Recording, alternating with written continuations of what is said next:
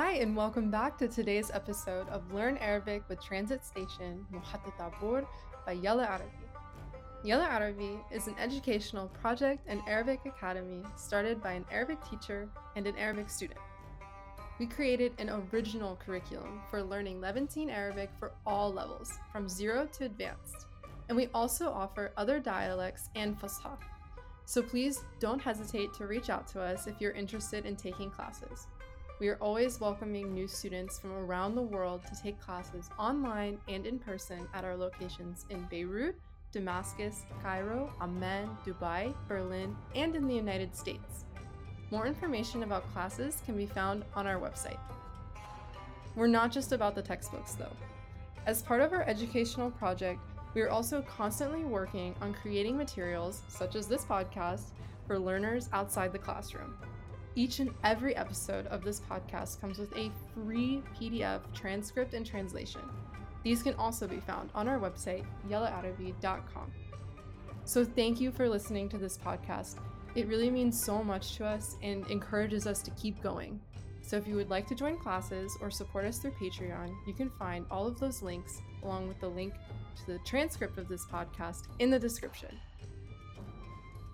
Today's episode is about the life of Jamal Abdel Nasser, or as the Egyptians say, Gamal Abdel Nasser, who was an Egyptian military officer and politician who served as the second president of Egypt from 1956 until his death in 1970. Nasser is known for rising to power shortly after a bloodless coup against King Farouk in 1952, staged by the Free Officers. The period of Abdel Nasser's rule was described as a period of achievements. His popularity in Egypt and the Arab world increased after the nationalization of the Suez Canal Company and his political victory in the subsequent Suez Crisis.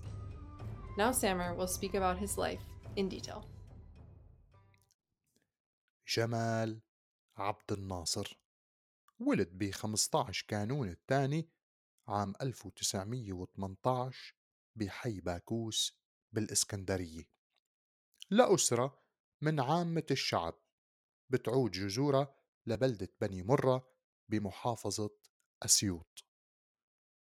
نشأ عبد الناصر وتعلم بالإسكندرية والقاهرة والتحق بالكلية الحربية عام 1937 وشهدت سنوات دراسته المبكرة تنافر ومواجهة مع مدرسي البريطانيين. تخرج جمال عبد الناصر ضابط عام 1938 وتم تعيينه بسلاح المشاة بأسيوط والإسكندرية. ضل فترة بالسودان اللي كانت تابعة لمصر بهداك الوقت قبل ما تم تعيينه مدرس بكلية الأركان. آمن عبد الناصر بالقومية العربية وعمل على ترويج مبادئ الوحدة العربية من وجهة نظره.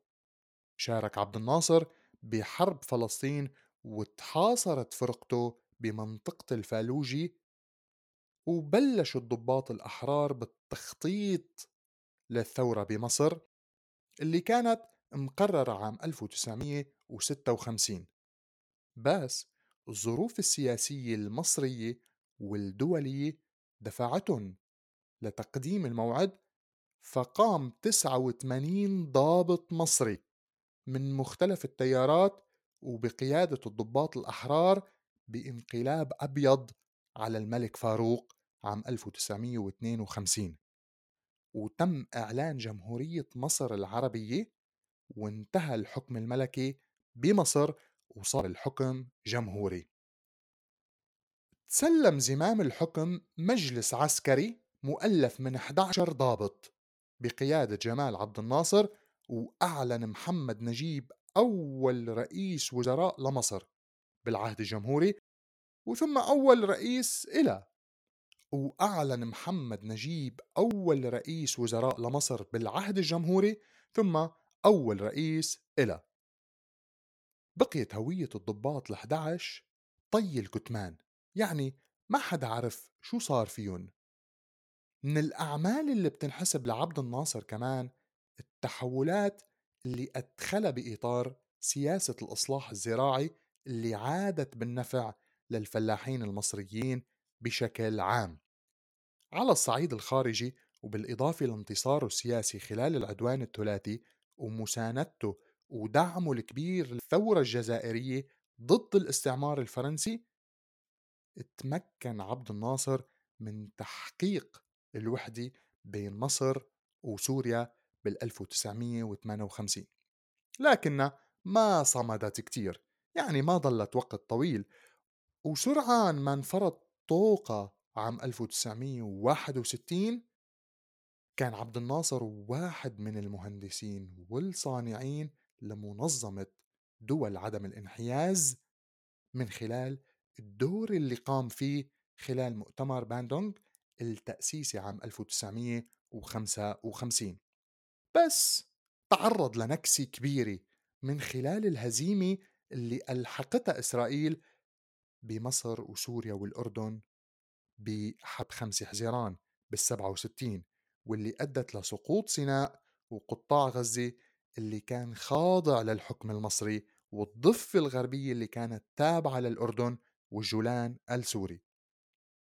بالرغم من شعبية عبد الناصر الكبيرة بخصوص توجهاته بالاستقلال السياسي والاقتصادي إلا أنه عهد وصف بغياب التعددية السياسية والاصطدام العقائدي والسياسي مع تيارات سياسية متعددة.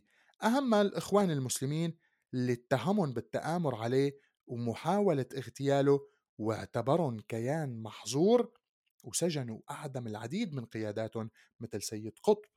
بيعتبر الكتير أنه عبد الناصر شخصية وطنية سعت للاستقلال والحرية والتقدم.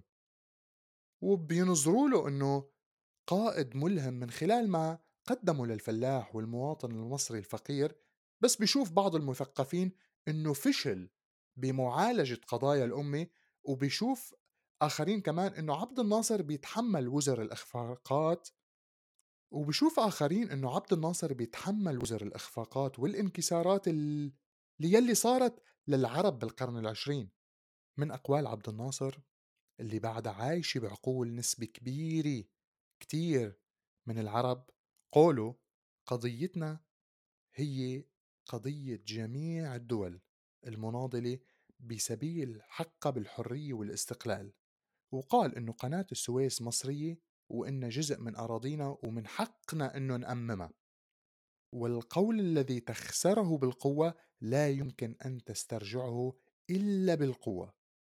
أصبح مثل على لسان كل عربي يحمل القضية الفلسطينية والأراضي العربية المحتلة بقلبه.